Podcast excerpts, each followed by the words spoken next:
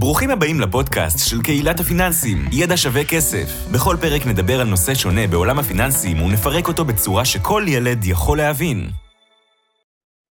אהלן חברים, מה העניינים? ושוב אנחנו בפרק חדש בפודקאסט שלנו, ידע שווה כסף, הפודקאסט. אז אני שי בדיחי, אם אתם במקרה עדיין לא מכירים, ופה יש לנו אורח די ותיק, נמצא איתנו כבר לא מעט פרקים. מניח שאתם, אורנה אמני. מניח שאתם מכירים, חברים, שלום, שלום לכולם. אה, כיף, של... כיף לנו שאנחנו בפרק נוסף בפודקאסט. מה קורה שי? הכל טוב? מצוין, מצוין. אז האמת היום חשבתי לדבר על נושא שאנחנו כאילו כל הזמן נוגעים ליד, אבל לא, לא מגיעים לתכלס. כלומר, דיברנו על השקעות נדל"ן, דיברנו על השקעות נדל"ן בארץ, השקעות נדל"ן בחו"ל, על שוק ההון, שוק ההון עושה זאת בעצמך ושוק ההון במוצרים מנוהלים, ודיברנו על ביטוחים, ו- ודיברנו על מינופים, ודיברנו על מימון, עשינו המון המון פרקים שקשורים לפיננסים, אבל אין שום דבר, דיברנו על מטרות גם, אין שום דבר שבעצם מאחד את כל, ה- את כל הפרקים האלה למשהו אחד. פעם החלטתי לעשות, שנעשה פרק, שמדבר על משהו שקושר את כל הפרקים שעשינו עד היום. מדהים, לא? מדהים, מדהים לגמרי. אני, זאת אומרת, זה העניין ההוליסטי הזה, מה שנקרא, ש, שקשור לכסף. וזה נושא גדול, זה נושא גדול, אה, ובואו ננסה להרכיב את הפאזל הזה. מעולה, אז, אז, אז למעשה הדבר ש, שקושר את, את, כל ה, את כל הפרקים שעשינו עד היום אה, הוא תחום שאני מאוד אוהב ועוסק בו כבר הרבה שנים, וזה נקרא תכנון פיננסי. אז בואו בוא נדבר ככה איך, איך אני רואה, כל אחד רואה את זה קצת אחרת, אה, כל אחד עם הניסיון שלו, אבל איך אני רואה מה זה, מה זה תכנון פיננסי חכם, זה תכנון פיננסי נכון בעיניי. אז כשאני אומר תכנון פיננסי, לפני שרצים לאקסלים, לאפליקציות, לדף ועט אפילו, אני מתחיל הכל מהמחשבה בראש. מתחיל קודם כל מהדברים הכי כיפים, מהחלומות. איזה כיף זה לחלום, נכון? לגמרי, תמיד כיף להריץ בראש איך אתה רוצה, מה אתה רוצה שיהיה והכל. אז, אז יש, יש אה, ככה חבר יקר שקוראים לו משה שאמר לי לפני איזה שבועיים בערך, הוא אמר לי משפט מאוד יפה שלחלום בגדול ולחלום בקטן עולה אותו כסף. אמת. אז, אז אני אומר אם, אם אנחנו כבר חולמים בוא נחלום בגדול, אוקיי? בוא נכוון לירח מקסימום נפגע בכוכבים. הרבה פעמים קורה שאנשים שאני פוגש ככה לתהליך של תיכון פיננסי הם, אה, שאני שואל אותם מה הם רוצים להשיג בחיים אז הם, הם, הם אומרים לי אני לא יודע אם זה ריאלי אבל זה לא מה ששאלתי אם זה ריאלי או לא ריאלי. אני שאלתי מה אתם רוצים להשיג בחיים. ברגע שאנחנו חושבים מה ריאלי ומה לא ריאלי, אנחנו מקבלים את המחשבה. אנחנו מקצצים את הכנפיים של עצמנו ואנחנו מאוד מאוד מוגבלים. אז אני אומר בואו נחלום בגדול, אחר כך אנחנו נשב ונחשוב איך עושים את זה, איך גורם לדברים האלה לקרות, זה, זה לא תמיד פשוט, זה לא תמיד קל, זה, זה, זה, זה מאתגר בחלק מהמקרים, אבל אם אנחנו נחלום בקטן, אנחנו נצליח בקטן. במקרה הטוב, במקרה הטוב אנחנו נצליח בקטן. אני, אני, אני אגיד את האינפוט שלי בקטע הזה, זה, אני יכול להבין כי אנשים מפחדים להיכשל. אם אני, אם אני אחלום ואני לא אגיע לשם, אז, אז, אז אולי זה כאילו אני אכשל ואיך אני תופס את עצמי. ואני אומר, אם אנחנו נכוון גבוה, אנחנו גם אם ניכשל ולא נגיע למטרה, אנחנו כנראה נגיע הרבה הרבה יותר רחוק מאשר אם כיוונו מלכתחילה נמוך. כי אם כיוונו מלכתחילה נמוך אנחנו לא נתאמץ בשביל לעשות אה, מעבר לזה. ו, ו, ומי שמתחבר אולי לכיוון הזה זה סוג של, אה, איך שאני תופס את זה, סוג של מחשבה יוצרת מציאות. ואני ממש ממליץ בנושא הזה לקרוא ספר שאני מאוד אוהב ומאוד התחברתי, נקרא חשוב והתעשר, אה, Think and Grow Rich באנגלית מאוד מאוד ממליץ על הספר, צריך לבוא אליו עם ראש פתוח אה, ו- וככה זה, זה פחות ספר פרקטי של ממש עכשיו איך לעשות ומה לעשות, אלא יותר לפתוח את הראש ואת החשיבה, לי אישית הוא מאוד עזר אה, כחלק מה, מהמסע הזה של כל העולם הפיננסי וההשקעות. מעולה, אז, אז כמו שאמרתי בוא, בוא נתחיל מחלומות, בוא נתחיל מ- מלדמיין את המקום שאנחנו רוצים להיות בו, כמו שאמרת מחשבה יוצרת מציאות, ואחרי שאנחנו נחלום אני, אני, אוהב, אני אוהב לשאול שאלה שעוזרת לאנשים לחלום, כי לפעמים אנחנו מאוד מקובעים בחשיבה. אז אני אוהב לשאול שאלה של אה, אם כסף לא היה בחיים, האם הייתם קמים מחר בבוקר לאותו בוקר בדיוק? האם אתם עושים בדיוק את מה שעשיתם היום אם כסף לא היה אישו בחיים? אני יכול להגיד לכם כשאני שואל את השאלה הזאת אנשים, אנחנו במפגש, לא משנה אם זה בזום או פיזי, אחד על אחד, אני רואה חיוכים על הפנים. אני רואה אנשים שפתאום כיף להם, אומרים וואי בואנה, כסף לא אישו בחיים. פתאום התודעה משתנה, פתאום התודעה מתרחבת, וזה בדיוק המטרה של השאלה הזאת. לפתוח את התודעה שכסף הוא באמת לא אישו בחיים, מה זה כסף? כסף זה איזשהו מספר שנמצא באיזשהו מחשב שמחליט אם אנחנו יכולים uh, לקנות את הקוטג' הזה או לטוס לפריז או להחליף את הרכב זה כסף, זה איזשהו מספר עכשיו השאלה איך אנחנו גורמים שיהיה לנו תמיד, הרבה, הרבה מהמספר הזה? אז זה אפשרי שיהיה לנו הרבה מהמספר הזה וזה תהליך, זה לא, זה לא קסם. אבל אנחנו קודם כל צריכים להחליט בראש אנחנו באמת רוצים את זה. כי כשאנחנו רוצים משהו ממש אנחנו יכולים אה, לכוון את הפעולות שלנו ש, שיגיעו לשם. אם אנחנו לא נכוון את הפעולות שלנו ואנחנו, יש אה, משפט שאומר שאיפה שאנחנו נשקיע את הזמן שלנו, שם אנחנו נגדל. איפה שאנחנו נשים פנס, זרקור על החיים שלנו, שם אנחנו נתרחב. אז זה, זה, זה, זה מה שאני מציע, אה, לפני שאתם רצים לאקסלים, למספרים, לדף ועט אפילו, תחלמו בגדול, אוקיי? אחר כך נפרוט את הפעולות שצריך לעשות כדי להגיע לשם. אני, אני רוצה לחדד, אני כאילו אני, בתור מי שעכשיו מאזין מהצד יכול להישמע לו כזה כל מיני חלומות ב, ב, ב, באספמיה ודברים באוויר ואני רוצה להגיד שהמטרה של תכנון פיננסי היא הפוכה היא, היא להתחיל משם ואז לבוא ולהוריד את זה לקרקע ולראות איך אנחנו תכלס מבצעים את זה. איך אנחנו גורמים לדברים האלה לקרות עם מספרים לא תוכניות באוויר ואולי זה יקרה ואולי לא וסתם אני חולם בגדול ואני רוצה להיות ככה וככה אלא להבין מה אנחנו באמת רוצים ואז לראות איך אנחנו מיישמים ואיך אנחנו יורדים לקרקע וכמו ששי אמר זה בטוח לא יהיה פשוט. כלומר אם זה פשוט ואם זה קל אז כנראה שאתם לא חולמים מספיק גבוה. כנראה שאתם לא חולמים אה, ושואפים מספיק גבוה וזה אגב ההנחיה שלי כמו תמיד אנחנו מדברים על לשים מטרות אה, ריאליות אבל שאפתניות. ואז שואלים מה זה, מה זה ההגדרה, מה ההגדרה שלך לשאפתני? אז אני מבחינתי ההגדרה לשאפתני זה אם אתם נוקבים במספר או, או רוצים, לה, אומרים מה, מה אתם רוצים להשיג? ו- ויש לכם כבר תשובות לאיך אתם רוצים להשיג אותו, אז כנראה זה לא מספיק שאפתני. Uh, זו ההגדרה מבחינתי, uh, ויאללה בוא נתחיל, בוא נדבר על איך אנחנו מורידים את זה לקרקע. מעולה, אז קודם כל התחלנו מה, מהחלום, עכשיו אני אומר כל חלום אפשר בסוף לתרגם אותו לכסף, אוקיי? בר, תן לי דוגמה לחלומות של אנשים. Uh, בית uh, פרטי ליד... עצור, עצור, בוא נעשה אחד אחד.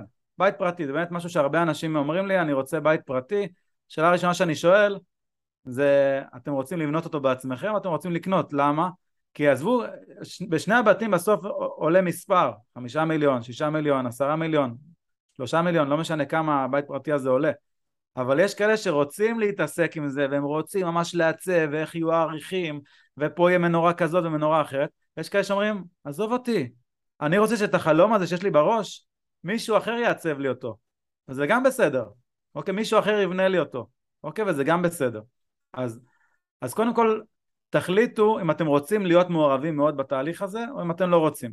אחר כך בואו נבין כמה, כמה כסף עולה לי הדבר הזה ובמקרה שנגיד בית פרטי אוקיי נניח סתם ניתן דוגמה נניח חמישה מיליון שקלים מצוין עכשיו זה לא אומר שאנחנו צריכים את החמישה מיליון שקלים את כל החמישה מיליון שקלים אה, בשביל להגשים את החלום כי בסוף אנחנו יודעים שבית קונים עם משכנתה אין מה לעשות אוקיי? אם אנחנו נחכה שאנחנו נצבור חמישה מיליון שקלים בקאש, במזומן, בבנק, אוקיי? זה יכול לקחת הרבה מאוד שנים.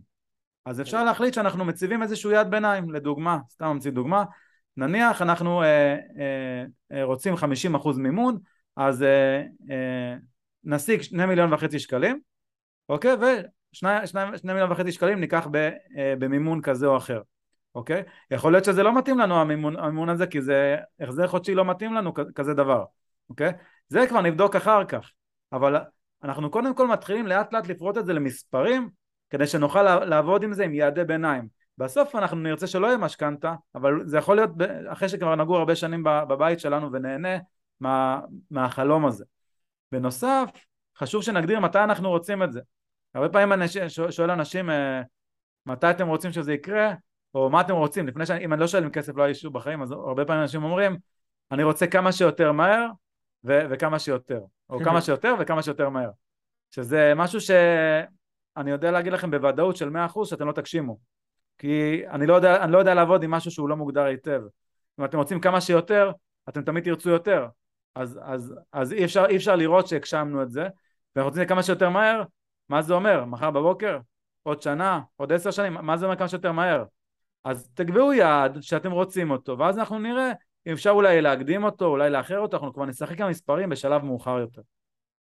זה בדיוק מתקשר לפרק שעשינו על, להגדיר מטרות ואיך מגדירים אותם בצורה נכונה בשביל שנוכל לפרוד אותם למשימות זה בדיוק העניין הזה וזה בדיוק מתחבר לכל מה שאנחנו מדברים עליו. מי שרוצה להבין לעומק על מה אנחנו מדברים אז מוזמן להאזין אם אני זוכר נכון לפרק מספר 4 שלנו בפודקאסט. עבר קצת זמן אבל, אבל פרק חשוב ולא סתם עשינו אותו בהתחלה. עבר זמן אבל השיטה נשארה בעינה אותה שיטה אוקיי? מעולה אז יש לנו חלומות הפכנו את זה ליעדים פיננסיים מוגדרים היטב, עכשיו אנחנו מתחילים לפרוט מה יש לנו. עוברים על חשבונות הבנק, ועל ההלוואות שלנו, ועל נכסים פיננסיים, מה זה נכסים פיננסיים? כל איפה הכסף יושב, הוא יושב בעו"ש, ובפיקדון, ובגמל להשקעה, ובחשבון מסחר עצמאי, בהלוואות חברתיות, בקריפטו, יש לכם מטיל זהב בבית, נדוניה שקיבלתם, קרן חוב, כל דבר, כל מקום שכסף יושב, שקל, דולר, יורו, פאונד, לא יודע מה, אנחנו רוצים לשים את זה במקום אחד בשביל לראות כמה כסף יש לנו. וכמובן אנחנו נסתכל, אה, כשנרד עוד שלב יותר לעומק, נראה אם יש משהו דמי ניהול, אז כמה דמי ניהול אנחנו משלמים, אם יש משהו שהוא עם מסלולים, אז איזה מסלול השקעה יש לנו, אנחנו ממש נפרוט, אנחנו בשלב שרק איסוף נתונים, אוקיי?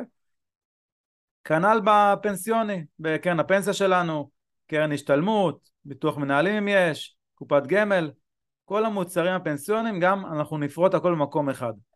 לאחר מכן אנחנו אה, אה, נרשום יש לנו אה, אה, דירה, אה, אה, כמובן משכנתה כבר רשמנו כי בהלוואות אם יש, אה, אה, נכסים בחו"ל, בקיצור את כל ההשקעות אנחנו נרכז באיזושהי טבלה מסודרת או מספר טבלות איך שנוח לכם להסתכל על הדברים, אני אוהב לעשות הפרדה אבל בסוף העיקר שיהיה הכל במקום אחד מרוכז כדי שנדע כמה אנחנו שווים, מה, כמה כסף יש לנו לעבוד איתו וכמובן לא פחות חשוב, תזרים מה זה תזרים? תזרים זה בעצם הכנסות פחות הוצאות. כמו שעסק לא יכול להתנהל אה, בלי שהוא יודע אה, את התזרים שלו, גם תא משפחתי הוא עסק לכל דבר. יש לו הוצאות, אנחנו קונים בסופר, אנחנו הולכים לקולנוע, אנחנו טסים לחו"ל, אה, אנחנו לוקחים בייביסיטר, אה, יש לו הכנסות, אנחנו מקבלים הכנסה מהעבודה של השכיר, אולי מהעסק, אולי מאיזה דירה שאנחנו אה, משקיעים, אולי מהלוואות חברתיות, לא משנה מה. וכמובן שנכסים התחייבויות, כל מה שאמרנו, נכסים זה אה, כל ההשקעות שיש לנו, התחייבויות זה ההלוואות שיש לנו, אז אנחנו ממש, ממש בדיוק כמו עסק, אנחנו תא משפחתי שתפקד לכל דבר וצריך להכיר את המושגים האלה ולהבין אה, מה יש לנו. אני, אני רוצה ל, ל, ל, להגיד שבנושא הזה התזרים מבחינתי הוא הבסיס כלומר בסופו של דבר בלי תזרים חיובי יכול להיות שלתקופה מסוימת, לתקופה ספציפית אנחנו נהיה בתזרים שלילי, אוקיי? וזה בסדר כל עוד אנחנו מודעים לזה ומבינים איך אנחנו יוצאים משם כי יש לנו תקופה מסוימת עם הוצאות גבוהות, לא משנה למה, ילדים, משפחה, חלילה מצב אה, אה, אה, לא טוב, אולי מצב כן טוב, אולי חתונה או משהו כזה, זה בסדר אבל, אבל לטווח הארוך אנחנו צריכים להבין שאנחנו בתזרים חיובי כי זה הבסיס, זה הבסיס, אי אפשר לבנות מגדלים ואי אפשר להגיע לירח בלי שיש לנו בסיס.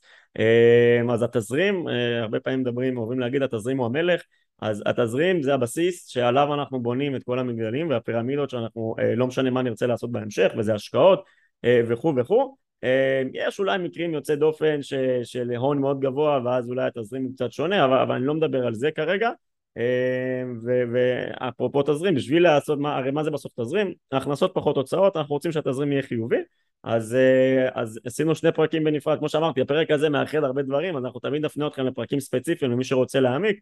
יש לנו פרקים שעשינו פרק נפרד על uh, הקטנת הוצאות ופרק נפרד על הגדלת הכנסות. uh, אתם תבחרו מה מתאים לכם אולי גם וגם. ממליץ ממש להאזין פרקים מאוד פופולריים שלנו שאנשים מאוד מאוד אהבו וקיבלנו להם גם המון פידבקים טובים. uh, אז קחו את זה בחשבון בשורה התחתונה זה הבסיס uh, להמשיך הלאה ולצמוח ממנו. מעולה. אז הבנו שאנחנו יודעים מה, מה החלומות שלנו פרטנו ל, ליעדים פיננסיים מוגדרים עברנו על כל מה שיש לנו ריכזנו במקום אחד. עכשיו אנחנו עוברים דבר דבר ואנחנו, אני קורא לזה פאולים, אנחנו פותרים את הפאולים, אוקיי? לדוגמה אם אנחנו משל, משלמים עמלות מיותרות לבנק, אוקיי? אז אם אנחנו מוצאים דרך להוזיל את זה אנחנו נוזיל את זה, אוקיי? אבל צריך לבחור את המלחמות. למה אני מתכוון לבחור את המלחמות? אם אנחנו משלמים לדוגמה 20 אה, שקל בחודש עמלות לבנק, אנחנו יכולים להוזיל את זה אולי לאפס, אוקיי? אם בבנק אחר לדוגמה שירצה את המשכורת שלנו, אנחנו שכירים, או בנק אחר שמציע לא, לא חסר, אז יכול להיות שיש לנו בעו"ש כרגע 400 אלף שקל שלא מושקעים. להשקיע את 400 אלף שקל עם תשואה של אפילו 4 אחוזים, אתה רוצה ברגע לחשב לנו כמה זה 4 אחוזים אה, אה, לשנה על 400 אלף שקל? אחוז אחד זה 4,000, 4 אחוזים אמור להיות 16 אלף שקל. מעולה, אז אנחנו יכולים לראות שאם יצא לנו 16 אלף שקלים לשנה זה שווה יותר מ-20 שקלים כפול 12 חודשים לשנה אז אני מעדיף להשקיע את הזמן שלי רגע קודם כל בלהשקיע את הכסף שלא מושקע זאת אומרת לתת לצי ספינה, לצי, לצי אה, ספינות שלי לשוט, אוקיי? לעבר החלומות שלי, אנחנו יוצאים פה למלחמה, אוקיי? אנחנו יוצאים פה להתקפה, אוקיי? ככה אני מסתכל על זה, אני מסתכל על זה שיש לי, יש לי משאבים, ואני אקח את כל המשאבים שלי ואני יוצא איתם ממש לעבר, אה, לשים את הדגל על ההר, על הפסגה שאני רוצה לכבוש. אם אני לא אסתכל על זה ככה, אוקיי? אז יכול להיות שאני לא אגיע ליעד שלי. אם היעד שלי הוא באמת יעד שהוא הוא, הוא קשה להשיג אותו, אני צריך להתאמץ, אני צריך לעשות תוכנית מדוקדקת ואני צריך לבחור מה לעשות קודם. אז לפעמים, לפעמים אני, אני אבחר באמת להשקיע איפה שהכסף הגדול, אני לא מזניח את הכסף הקטן של ה-20 שקל, אוקיי? אבל אני אגיע אליו בשלב יותר מאוחר שכאשר כל הכסף שלי מושקע, אוקיי? עכשיו אם אתם לא יודעים אתם משלמים עמלות לבנקים יש דבר שנקרא תעודת זהות בנקאית. תעודת זהות בנקאית כל שנה בערך באזור חודש מרץ אתם מקבלים תעודת זהות בנקאית של השנה הקודמת. אנחנו מקליטים את הפרק הזה ב-2022 אז אתם יכולים לצפות בתעודת זהות בנקאית של 2021 כל עוד לא עברתם בנק בשנה הזאת אתם יכולים לראות באמת את העמלות ששילמתם שנה שעברה. אה, זה בדרך כלל נמצא בסעיף ו' אה, בתעודת זהות בנקאית המורחבת ואתם יכולים לראות את השורה התחתונה, אני לא אוהב להסתכל על הביט והבית, אלא לראות את השורה התחתונה כמה שילמתם בשנה, אוקיי? ואז לראות האם שווה להשקיע את הזמן על זה, או להשקיע אותו על כסף יותר גדול. במסגרת הפאולים שאני קורא לזה, אנחנו ממשיכים הלאה, מסתכלים על ההלוואות, אוקיי? אז אנחנו מסתכלים על ההלוואות, ויכול להיות שלקחנו הלוואה לפני שלוש שנים, הייתה הלוואה מאוד זולה, הייתה אחלה, לקחנו לדוגמה הלוואה של פריים, אוקיי? פריים זה ריבית בנק ישראל פלוס מרווח של אחד וחצי, אוקיי? אבל כשאנחנו לקחנו את ההלוואה של הפריים, הפריים היה 1.6 אחוזים, הלוואה מאוד זולה. היום בזמן שאנחנו מקליטים את הפרק ברגע זה, הריבית בנק ישראל עלתה והפריים עומד על שלושה וחצי אחוזים. עכשיו יכול להיות שאנחנו לקחנו את ההלוואה הזאת בשביל להשקיע במקום אחר שנותן לנו למשל ארבעה אחוזים או חמישה אחוזים. אז, אז זה, עשה שכל, היה לנו איזשהו מרווח של שלושה אחוזים אקסטרה, שאם ההשקעה לא תצליח, אנחנו, אנחנו עדיין נהיה, נהיה בפלוס. אבל הריבית עלתה והיום ההשקעה קצת מג'עג'עת, היא כבר לא נותנת לנו חמישה אחוזים, נותנת לנו רק ארבעה אחוזים והפריים הוא שלושה נקודה שישה אחוזים, אוקיי? אז אה, ונוסיף מיסוי אולי על, על ההשקעה יכול להיות ששווה לנו כבר לסגור, לסגור את, ה, את ההלוואה, לקחת את הכסף מההשקעה בהנחה שזה נזיל, אוקיי, ואפשר להוציא את הכסף, ולסגור את, את ההלוואה, כי היום זה, זה כבר פחות מתאים, אז זה גם חלק מתכנון פיננסי. לא תמיד זה רק להשקיע כסף, לפעמים גם לסגור הלוואה קיימת זה החלטה שצריך לקבל בתכנון פיננסי. אני... כי ההלוואה הזאת היא סוג של, אני קורא לזה מדממת, אוקיי? היא לא נותנת לנו את הערך שהיא נתנה קודם כי התנאים בשוק השתנו. אני... זה ממש מקרה שקרה לי עם לקוח השבוע. אז זה בדיוק מה שאני בא להגיד, זה היה לי גם מקרה כזה עם אה, זוג חברים שבא אליי והם גם באו אליך בשביל תכנון פיננסי ובאו אליי בשביל להסתכל על המשכנתה שלהם וחשבו לעשות אולי מחזור והסתכלנו וראינו והבנו שכנראה שלא שווה לעשות מחזור אבל יש מסלול ספציפי אה, ש, אה, ששווה אה, להסתכל ולבחון אותו. וכחלק מהתכנון ובגלל שאני מכיר אותך הם גם דיברו איתי ואמרו לי כן אנחנו רוצים להתמנף לקחת כסף זול ולהשקיע. ואז אמרתי חבר'ה לפני שאתם רוצים להשקיע יש לכם פה מסלול במשכנתה. סך הכל המשכנתה הייתה סבירה אבל היה שם מסלול שהוא צמוד מדד פלוס אם אני זוכר נכון או שתיים וחצי או שלוש וחצי עכשיו ההצמדה למדד באותה תקופה הייתה באזור השלושה אחוזים עדיין האינפלציה הייתה שלושה אחוזים באותה תקופה ותוסיף לאזור שלושה וחצי אחוזים גם מגיעים לשישה וחצי אחוזים בשנה אוקיי? אה, שזה נטו. כלומר בשביל שתהיה להם אלטרנטיבה אחרת אה, טובה יותר הם צריכים לעשות לפחות שש וחצי נטו אחרי מיסים ואחרי דמי ניהול.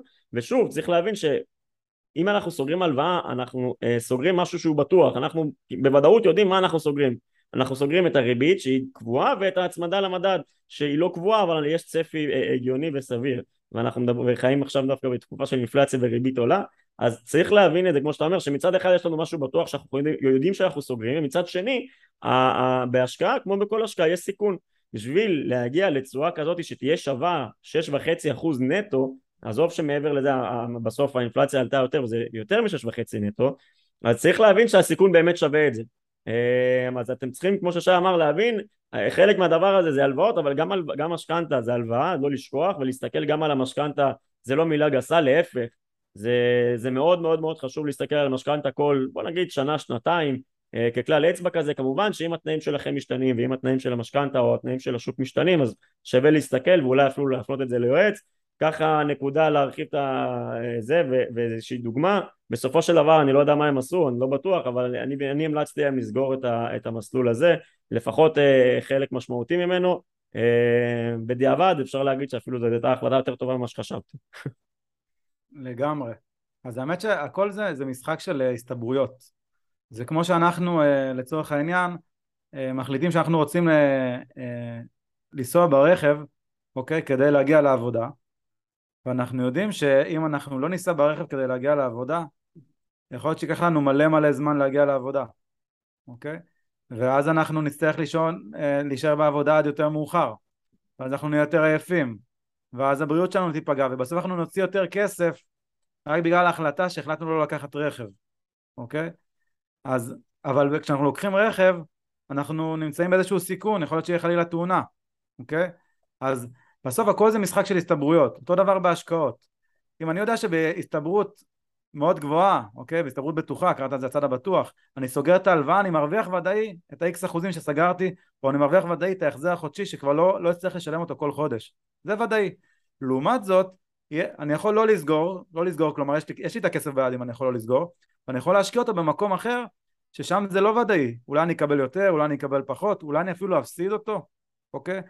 אז צריך לראות האם זה שווה לי, כלומר האם ללכת על הבטוח שנותן לי איזושהי תשואה מסוימת מזה שאני סוגר אותו ודאי, או הולך על הלא בטוח שייתן לי אולי תשואה יותר גבוהה, אבל במקרה אה, worst case scenario, במקרה הגרוע ביותר, אני עדיין יכול לעמוד בו וזה מתאים לאופי סיכון שלי, לפרופיל סיכון שלי, אה, ואני גם אוהב לעשות אה, שאלון סיכון אמריקאי, באמת בשביל להבין מה, מה, מה מתאים לנו. אני מסכים לגמרי, אני, אני, אני רק אדייק אה, שספציפית במשכנתה צריך לראות, אה, לא רק במשכנתה, בכל הלוואה צריך לראות שאין לנו קנסות ועמלות פירעון מוקדם, דברים כאלה, צריך לעשות את זה בצורה מקצועית. אני אישית חושב שכדאי ללכת ליועץ פרטי, דיברנו על זה גם בפרקים בפודקאסט, אני לא אחזור על זה יותר מדי, אבל רק אני אגיד, יועץ פרטי זה לא יועץ של הבנק, זה יועץ שאתם משלמים לו כסף, שהאינטרס שלו הוא שלכם, ולא, האינטרס שלו זה, הוא לא מקבל משכורת מהבנק, והוא לא, אה, אה, כי בסופו של דבר אם הוא מקבל משכורת מהבנק, האינטרס שלו זה שהבנק ירוויח כמה שיותר כסף, גם אם הוא אה, מאוד מאוד נחמד, זה היה בחצי דקה על אה, משכנתה, מוזמנים אה, להסתכל בפרקים קודמים על משכנתאות. אני יודע שהרבה אנשים גם מדברים על זה ושואלים אותנו עכשיו לסגור מסלול כזה, לסגור מסלול כזה, הריבית עלתה, אז, אז קחו את זה בחשבון. מעולה, אז דיברנו אה, על בנקים, דיברנו על הלוואות, עכשיו אנחנו נעבור על הנכסים הפיננסיים ואנחנו נראה אם אנחנו במקום שמתאים לנו, אם עדיין המסלול שפתחנו עדיין רלוונטי, עדיין הטווח השקעה הוא מספיק ארוך ואנחנו מוכנים לקחת יותר סיכון, האם, האם אה, לדוגמה לפעמים אני רואה אה, אנשים שמשקיעים אה, כסף לילדים שלהם במסלולים מאוד מאוד סולידיים, אוקיי? הילדים שלהם יראו את הכסף הזה רק עוד 20 שנה, אוקיי? 15 שנה. אז זה, זה, זה, זה לא, זה לא make sense, זה לא, זה, זה לא עושה היגיון, ובסוף אם אתם באמת אוהבים את הילדים שלכם, כמובן שום דבר שאני אומר פה בכלל בפודקאסט הזה הוא לא המלצה, אבל בואו בוא נאמר שיש תמימות דעים בין, בין כל בעלי המקצוע שכסף לטווח ארוך הוא לא צריך להיות במקום סולידי מדי, נדבר כרגע על השקעה בשוק הון ספציפי. אני, אני רוצה להרחיב פה ולהגיד שלפעמים ה... זה שלא לוקחים סיכון זה הסיכון הכי גדול. לגמרי. וזאת הבעיה הכי גדולה ו... ורואים את זה לצערי בהרבה מקומות, שוב, אסור לנו להמליץ ואנחנו לא אומרים לכם זה ולא לקחת את הדבר הזה כהמלצה, שי ובר אמרו אז אני עושה, ממש ממש לא, אבל, אה, אבל אתם מוזמנים להאזין לפרקים שלנו בפודקאסט ולעלות לוובינרים שלנו ו- וכמובן בקורס שלנו אנחנו מדברים על זה הרבה ובכתבות באתר.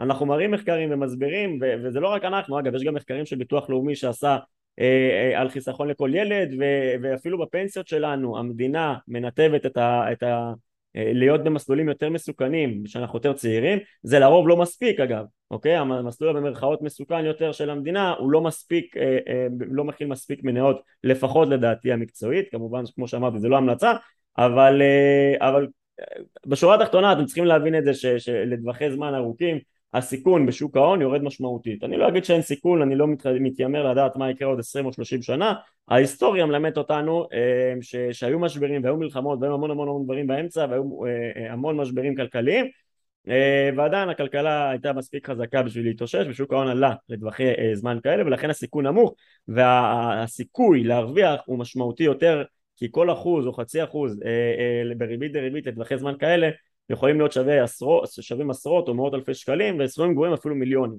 אז אה, וזה יכול לשנות חיים שלכם ושל הילדים שלכם אה, אה, וכו' אז קחו את זה בחשבון. זה, זה באמת באמת חשוב והסיכון פה הרבה פעמים כמו שאמרתי הוא לא לקחת סיכון.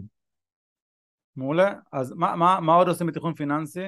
בין השאר בודקים עלויות. אוקיי עלויות צריך לבדוק אחת לתקופה כמו שבודקים משכנתה אחת לתקופה. אני אתן סתם דוגמה מקרה אה, קלאסי שאני נתקל בו הרבה אני נתקל שמגיעים אליי זוגות, זוגות, אה, לא משנה נשואים או לא נשואים, זה כל אחד שיעשה מה שטוב לו, אבל אה, זוגות שמגיעים אליי ואני רואה שנמצאים באותה חברה, לא משנה אם זה בקרן פנסיה או בקופת גמל או גמל להשקעה או קרן השתלמות, לא חשוב כרגע המוצר הספציפי, אבל אני אקח דוגמה כדי שיהיה קל למאזינים להבין, דוגמה קרן השתלמות, אני רואה שבן זוג אחד נמצא באותה חברה עם אותו בן זוג אחר, הוא משלם אה, סתם נזרוק מספרים, 0.7 אה, אחוזים, ובן הזוג השני, אותה חברה בדיוק משלם 0.5 אחוזים. קודם כל אותי זה מקומם, אוקיי? אתם אותו תא משפחתי, אוקיי? ואחד משלם יותר מהשני, אוקיי? עכשיו כשאני אומר את זה לשני בני הזוג הם מסתכלים עליי ומסתכלים אחד על השנייה או אחד על השני ו... ו... או אחת על השנייה ו... ו... ואומרים מה זה? זה אפילו לא חשבנו על זה אף פעם אוקיי? כי כל אחד מסתכל על עצמו, אני לא מסתכל על זה כתא משפחתי אחד, כעסק אחד גדול, אוקיי? לא הגיוני שאם אני עסק וקניתי עכשיו אה, אה, אה, מחברות בעסק, את המחברות בצד שמאל שיש לי על השולחן, קניתי אותן בשני שקלים למחברת, ועוד בצד ימין קניתי בעשרה שקלים למחברת. לא, זה לא ייתכן, אני אותו עסק, אוקיי? ואז מה שאני מציע בדרך כלל במצב הזה, זה לעשות משהו מאוד פשוט. אה, להתקשר לאותה חברה, אוקיי? ולהגיד את הדבר הבא, בדרך כלל אין לנו איזה טלפן או טלפנית אה, שמשלמים להם בשביל אה, לענות לטלפונים ולהגיד להם את הדבר הבא, תקשיבו מה שקורה פה זה פשוט נורא, לא ייתכן שאשתי משלמת פחות ממני, אוקיי? ושנינו שנינו לקוחות שלכם, אוקיי? זה יוצר לנו ריבים בזוגיות ואנחנו ממש חושבים להיפרד על הדבר הזה, אני מבקש לשנות את זה מיד. באותו רגע מה שקורה, הטלפן אולי, אולי, אולי זה כבר, אה, אם זה אותו טלפן שכבר אנשים שעברו אצלי, הוא קודם כל צוחק, אוקיי? הוא צוחק כי זה, כשאתה אומר את זה ברצינות, אה, זה, זה נשמע מגוחך, וגם אין מה לענות על זה, לא, אין לו מה להגיד על זה, אוקיי? כי הוא יודע שזה מגוחך. עכשיו, מניסיון של כמעט 90% ומעלה מהמקרים, בסוף הם מורידים, אוקיי? כלומר, לא שיניתם שום דבר, רק שיחת טלפון אחת והורדתם עכשיו דמי ניהול לכל החיים, בלי, בלי יותר מדי מיקוח, כי אין מה להגיד על זה. אני אגיד לכם עוד מקרה עוד יותר, עוד יותר מפתיע. אני נתקל באנשים שנמצאים באותה חברה בעצמם. למשל קרן השתלמות, סתם אני ממציא, משלמים 0.6 וגמל להשקעה, סתם אני ממציא, משלמים 0.4. אין שום הבדל בין הדמי שאתם משלמים באותה חברה בין גמל להשקעה לקרן השתלמות או קופת גמל, בסוף זה אותו מוצר סדר גודל עד כדי מיסוי ונזילות, אוקיי? אז אין, אין סיבה שתשלמו אתם עם עצמכם אה, אה, יותר או פחות דמי ניהול וזה בכלל מגוחך, אתם מתקשרים ואומרים שיש לכם ריבים עם עצמכם, אוקיי? אז אה, מניסיון באמת זה עובד, כמה, שים שנייה צחוק בצד, מניסיון עם הרבה מאוד לקוחות, אה, זה עובד, אתם יכולים לחסוך הרבה מאוד כסף ככה במיקוח מאוד מאוד פשוט. אז מה, אז מה עוד אנחנו עושים בתיכון פיננסי? אנחנו בעצם עוברים על כל הדברים שאמרתי, כל הנכסים, ההתחייבויות, אה, מורידים עמלות איפה שצריך, משנים חשבון בנק איפה שצריך, לפעמים זה גם עניין של אה, מנטליות. לדוגמה, הגיע אליי לפני שבועיים אה, זוג שבן הזוג הוא עצמאי, בת הזוג היא שכירה ושני מתנהלים באותו חשבון בנק. זה אסון, מתכון לאסון, אוקיי? אי אפשר לערבב את ההוצאות הכנסות של העסק עם הביצים והחלב שאנחנו קונים או עם הטיטולים של הילדה, אי אפשר כי אחר כך העסק הוא לא יכול להתקדם, העסק הוא לא יכול להבין מה התזרים של העסק. תזרים של העסק צריך להיות בנפרד, והוא צריך להפריש משכורת לתא המשפחתי שהוא עסק נפרד. תא המשפחתי צריך להיות עסק נפרד, ואפשר לפתוח ב- למעשה חשבון בנק נפרד, זה יעשה לכם המון המון סדר, זה גם מקרה שאני נתקל הרבה פעמים. אה, אתם לא תמיד רואים את התוצאה במיידי, אתם תראו את זה אחרי כמה חודשים, תבינו וואו, כמה סדר זה עשה לי. אני מודה, אני מודה שאני אישית חטאתי בזה וכשהקמתי בהתחלה את העסק שלי זה היה עם העו"ש אה, הרגיל, אמנם לא אותה משפחתי עדיין, אבל עם העו"ש הרגיל והכל מעורבב, אתה לא יודע מה אתה מכניס, מה אתה מוציא ופתאום תשלומים למס הכנסה ופתאום מע"מ, פתאום הוצאה כזאת או אחרת, לא משנה אם זה פרטי או בעסק, לא ברור, זה, זה מאוד מסתבך ומאוד מסרבל ומאוד מקשה לראות רגע תמונה ברורה, כמה אני מרוויח בעסק, הוא עובד טוב, הוא לא עובד טוב, אה, זה מאוד מאוד קשה, אני מסכים לגמרי וזה בעיניי בגדר חובה להפריד, מי ששואל אותי או אומר לי או טועה אני אומר באותו רגע, אפילו אתם מתחילים, אפילו אם רק התחלתם ואתם לא יודעים אם זה יצמח או לא, חבר'ה תפתחו חשבון בנק נפרד. אה, לרוב אה, זה לא חשבון עסקי עכשיו של חברה בעם או משהו כזה, לרוב אתם תקבלו כנראה פטורים או דברים כאלה, זה, זה, זה, זה חשבון פרטי כביכול מבחינת הבנק, תעשו את זה, זה, זה יעשה לכם המון סדר ש, שיעזור לכם בהמשך. אני יכול אפילו להגיד למאזינים ומאזינות שלבר ולי יש כמה חשבונות בנק, כי אפילו לצורך השקעות מסוימות אנחנו מפרידים חשבון בנק נפרד, כי זה עושה לנו הרבה מאוד סדר שאנחנו יודעים שהחשבון הזה הוא השקעות, אוקיי, הוא יכול לעלות, הוא יכול לרדת, אבל החשבון הזה הוא לעו"ש, להוצאות השוטפות, אנחנו, אנחנו רוצים שליטה שם בצורה אחרת, אוקיי, זה עושה לנו הרבה מאוד סדר שיש את ההפרדה הזאת. אוקיי, אז בעצם עברנו על כל הדברים, אוקיי, הבנו כמה כסף יש לנו היום, הבנו לאן אנחנו רוצים להגיע ומתי, מכאן אנחנו מחשבים את התשואת מטרה, שגם על זה עשינו פרק שלם, אז לא, לא נקדיש לזה כרגע יותר מדי, אנחנו מחשבים איזה תשואה, איזה רווח ואחוזים צריך לעשות כל שנה על הכסף, גם על מה שיש לנו היום, וגם על התזרים, גם על ההכנסות, או ליתר דיוק על הרווחים, שאנחנו מצליחים לחסוך כל חודש, אוקיי? ופה כבר יצא איזשהו מספר. המספר הזה שיצא, אנחנו נראה, קודם כל אם עולם ההשקעות יודע לתת לי אותו, אוקיי, אם יצא לנו 100% תשואה בשנה, אין השקעות אה, נורמטיביות שיודעות לתת 100% תשואה בשנה, יכול להיות שהיעד שהצבנו לעצמנו הוא לא ריאלי. ויכול להיות שאולי אנחנו צריכים להרחיק את היעד קצת, לשחק עם השנים. אוקיי, אולי אמרנו שאנחנו רוצים לקרוא עוד שנה. אוקיי, אנחנו לא קוסמים. אוקיי, אבל אולי עוד חמש שנים זה כן אפשרי, אולי עוד עשר שנים זה כן אפשרי. אוקיי? יש דברים שאני לא יכול לדחות. אם זה בר מצווה לילד, אני לא אגיד לו לילד, שמע, אה, אנחנו נדחה בעוד שנה כי אין מה לעשות, לא, התשואה לא, לא מתאימה. אז אני, אני אנסה להגדיל את ההכנסות, אני אנסה לעשות פעולות יצירתיות כדי כן להגיע ליעד. אבל אם, אם זה, אה, לא יודע, לחתן את, ה, את הילדים או ללימודים, זה משהו שהוא אמורפי, אנחנו לא יודעים בדיוק באיזה שנה זה יהיה, אז יש עוד זמן. אוקיי, אם זה לפרוש, לפרוש עוד שנה יותר, שנה פחות, זה לא האישו בחיים, זה ממש נמאס לכם. אוקיי, אז אה, תעברו לחצי משרה. אני אגיד שבסוף הכל זה פונקציה של uh, כמה זה חשוב לנו uh, בסדר עדיפויות בחיים. אם זה מספיק חשוב, אנחנו נקצץ הוצאות uh, בדברים אחרים ונגדיל הכנסות uh, ונקריב uh, בשביל להגדיל הכנסות uh, ונגיע למה שאנחנו רוצים להגיע. אוקיי? כמובן ששוב, הכל בגבולות ההיגיון, ואם עכשיו אנחנו לא סוגרים את החודש, מטרה של להגדיר שמחר בבוקר יהיה לי מיליארד שקל בעו"ש, זה כנראה לא ריאלי, סבבה? אבל אם אנחנו רגע מדברים בדברים שהם בגבולות ההיגיון, ה-common sense, זה, זה בסוף פונקציה של כמה אנחנו מספיק רוצים את זה, ואני חוזר להתחלה, לעניין של המטרות. אה, אל תפחדו, אני באמת אומר, זה, זה שוב, בנושא הזה אל תפחדו, תשאפו גבוה, ולאט לאט אתם, אתם, ברגע שאתם תדברו ותראו את המספרים ו, ו, ואתם תחשבו על זה, אתם תראו ש, שגם ההזדמנויות, אוקיי, שאתם פתאום תשימו לב אליהן, אה, הן הזדמנויות שיותר רלוונטיות אליכם. אה, וזה, וזה תהליך, זה לא משהו שקורה ביום או בשבוע או בחודש, ולפעמים זה קורה בלי שאתם תשימו לב, ואז באיזושהי סיטואציה אתם תתפסו את עצמכם שנה אחורה או שנתיים אחורה, תגידו וואו, איזה שינוי מטורף קרה פה, אה, אני באמת ממליץ אה, לקרוא את הספר חשוב והתעשר בנושא הזה, אני יודע שכבר אמרתי, אני אומר שוב כי זה באמת חשוב ומעניין, בעיניי זה יכול להיות מאוד לעזור. מצוין, אני אגיד, אני אגיד עוד איזה אנקדוטה, לפעמים כשאני נתקל יש איזשהו הפרש או פער בין בני הזוג. לדוגמה, צד אחד מבני הזוג יש לו יותר ידע, הוא שומע את כל הפודקאסטים של ידע שווה כסף, הוא מגיע לכל ההרצאות, הוא רכש את כל הקורסים, הוא מגיע, באמת, קורא את כל הפוסטים, המון ידע. צד שני הוא פחות, הוא מקבל את הידע מבן הזוג השני שאומר לו, שמע, שמעתי איזה פודקאסט, אה, מקבל ככה את התקצור פה ושם כשיש לו זמן, ואז לפעמים צריך להגיע לאיזושהי הסכמה.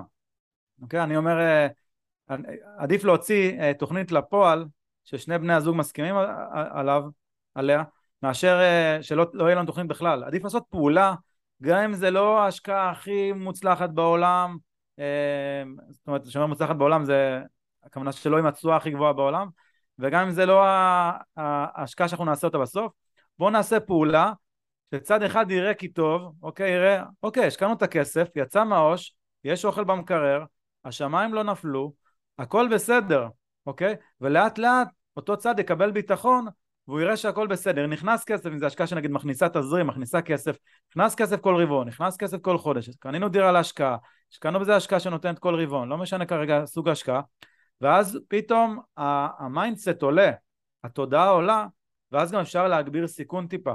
כי כשיש לנו נפתח. ידע, הסיכון הוא יותר נמוך, אוקיי? אנחנו יודעים מה יכול לקרות, אנחנו לא באי ודאות, האי ודאות זה הסיכון הכי גבוה.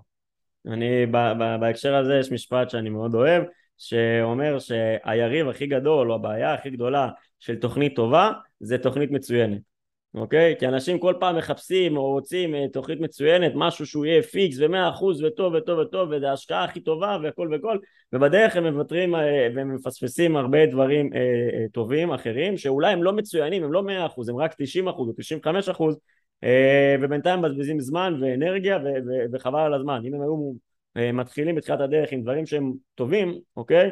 כנראה שהיום הם נמצאים במקומות אחרים וטובים ותבינו עם עצמכם שאין מה לעשות, כל דבר שאתם תעשו בחיים אתם לא יכולים להיות טובים בו לפני שהתחלתם, אוקיי? תתחילו ותשתפרו תוך כדי, אה, זה אחד הדברים הכי חשובים שאני יכול להגיד למי שמפחד לעשות את הקפיצה ואת הצעד הראשון אה, ומגיעים אלינו הרבה כאלה, בין אם זה בפרטי או בפייסבוק או בשיחות שלנו לקוחות, זה קורה המון וחבר'ה הרבה פעמים התרופה היא, היא פשוט להתחיל, אה, כמובן לא אומר לקפוץ למים בלי, בלי להבין שום דבר אה, תמיד אני אומר יש את הסקאלה הזאת אז תמצאו איפה אתם אה, נוח לכם אה, להיות ורוצו קדימה.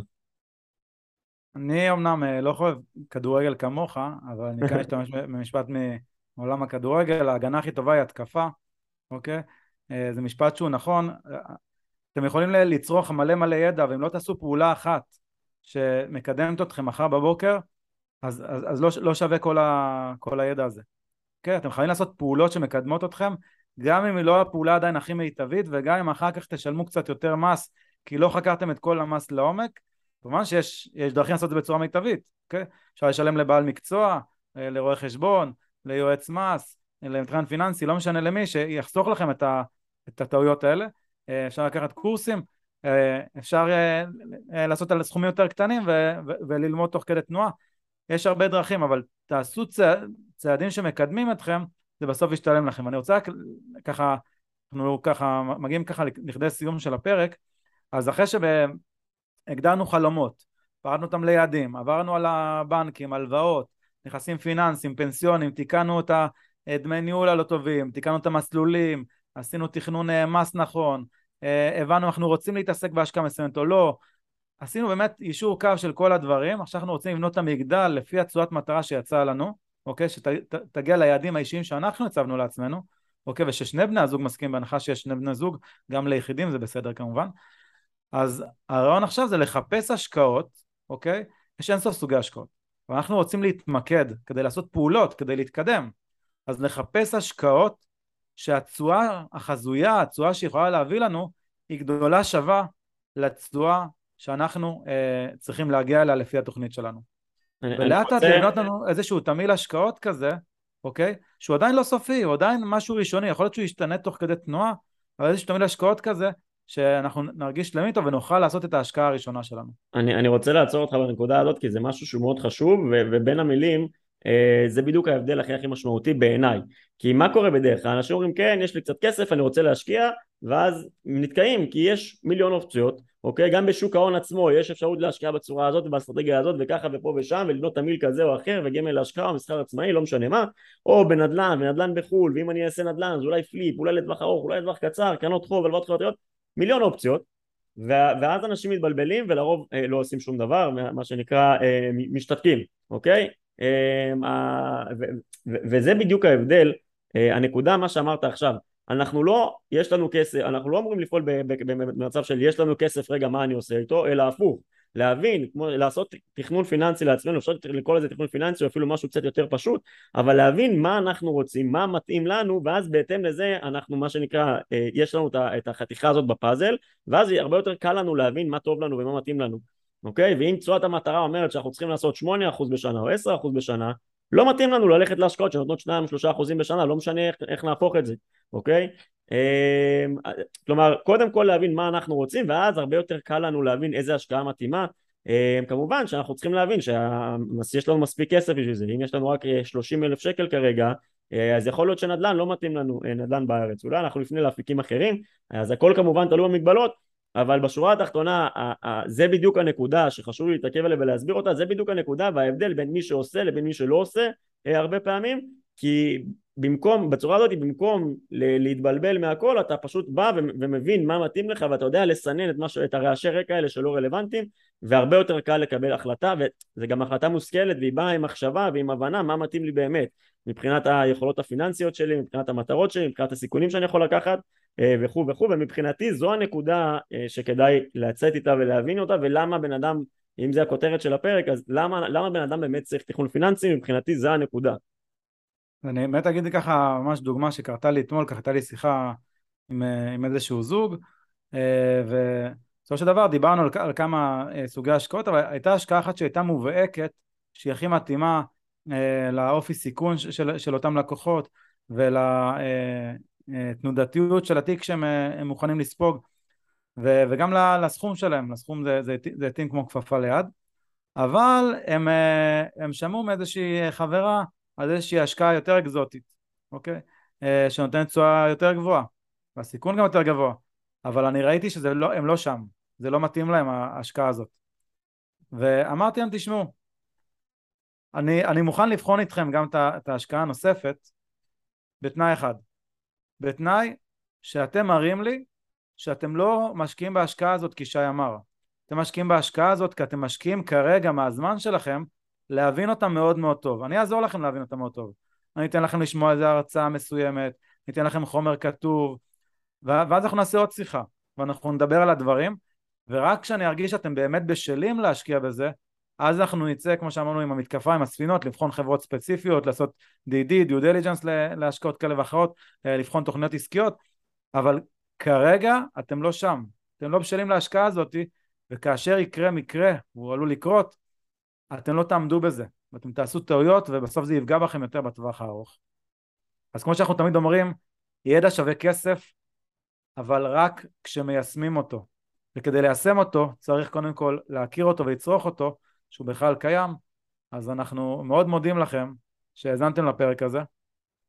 ובר, יש לי עוד מלא מה להגיד על תיכון פיננסי, אבל אנחנו ככה צריכים אה, להגיע פה לכדי סיום. אה, יכול להיות שאנשים כבר, אה, הם לא רוצים לצאת מהאוטו כי הם אה, באמצע הנהיגה. וכמובן אתם יכולים למצוא אותנו בפרקים הקודמים, אנחנו נמצאים גם ביוטיוב אם אתם נשמעו אותנו בספוטיפיי או אפל פודקאסט, גוגל פודקאסט, יש לנו את האתר שלנו ידע מקף כסף co.il, שיש שם מחשבון ריבית דריבית חדש, הוא מדונדש, אתם יכולים להיכנס, לרשום פשוט בגוגל מחשבון ריבית דריבית, תמצאו אותו די מהר, חשבון שידע שווה כסף, באמת לעשות חישובים שיעזרו לכם נקבל החלטות כלכליות טובות יותר לעתיד. ומציעים כמובן מי שרוצה לצרוך אה, בטיקטוק, אה, אה, לא מזמן פנו אלינו אנשים שהם כבדי שמיעה, אז אנחנו לא יכולים את כל התכנים לעשות עם כתוביות, זה דורש מאיתנו המון זמן ועבודה, אבל כן בטיקטוק, כיוון שזה סרטונים קצרים, אנחנו משקיעים באמת לשים גם כתוביות, אז אם, אם אתם מכירים מישהו שהוא כבד שמיעה ולא יכול לשמוע את הפודקאסט, אז uh, לפחות תפנו אותו לטיק טוק או לאינסטגרם שלנו, תחפשו, תחפשו ידע שווה כסף בטיק טוק או באינסטגרם, ואולי זה יעזור להם גם uh, לקבל ידע, והצלנו נפש אחת בישראל, עשינו את, של, את שלנו בעולם. מעולה חברים, אז באמת כמו שאמר מוזמנים לעקוב אחרינו בכל שאר הפלטפורמות וכמובן להמליץ לחברים לעקוב ואולי להעביר את הפרק הזה או פרקים אחרים של הפודקאסט. דרגו אותנו באיפה שאתם מאזינים ונתראה בפרקים הבאים. ביי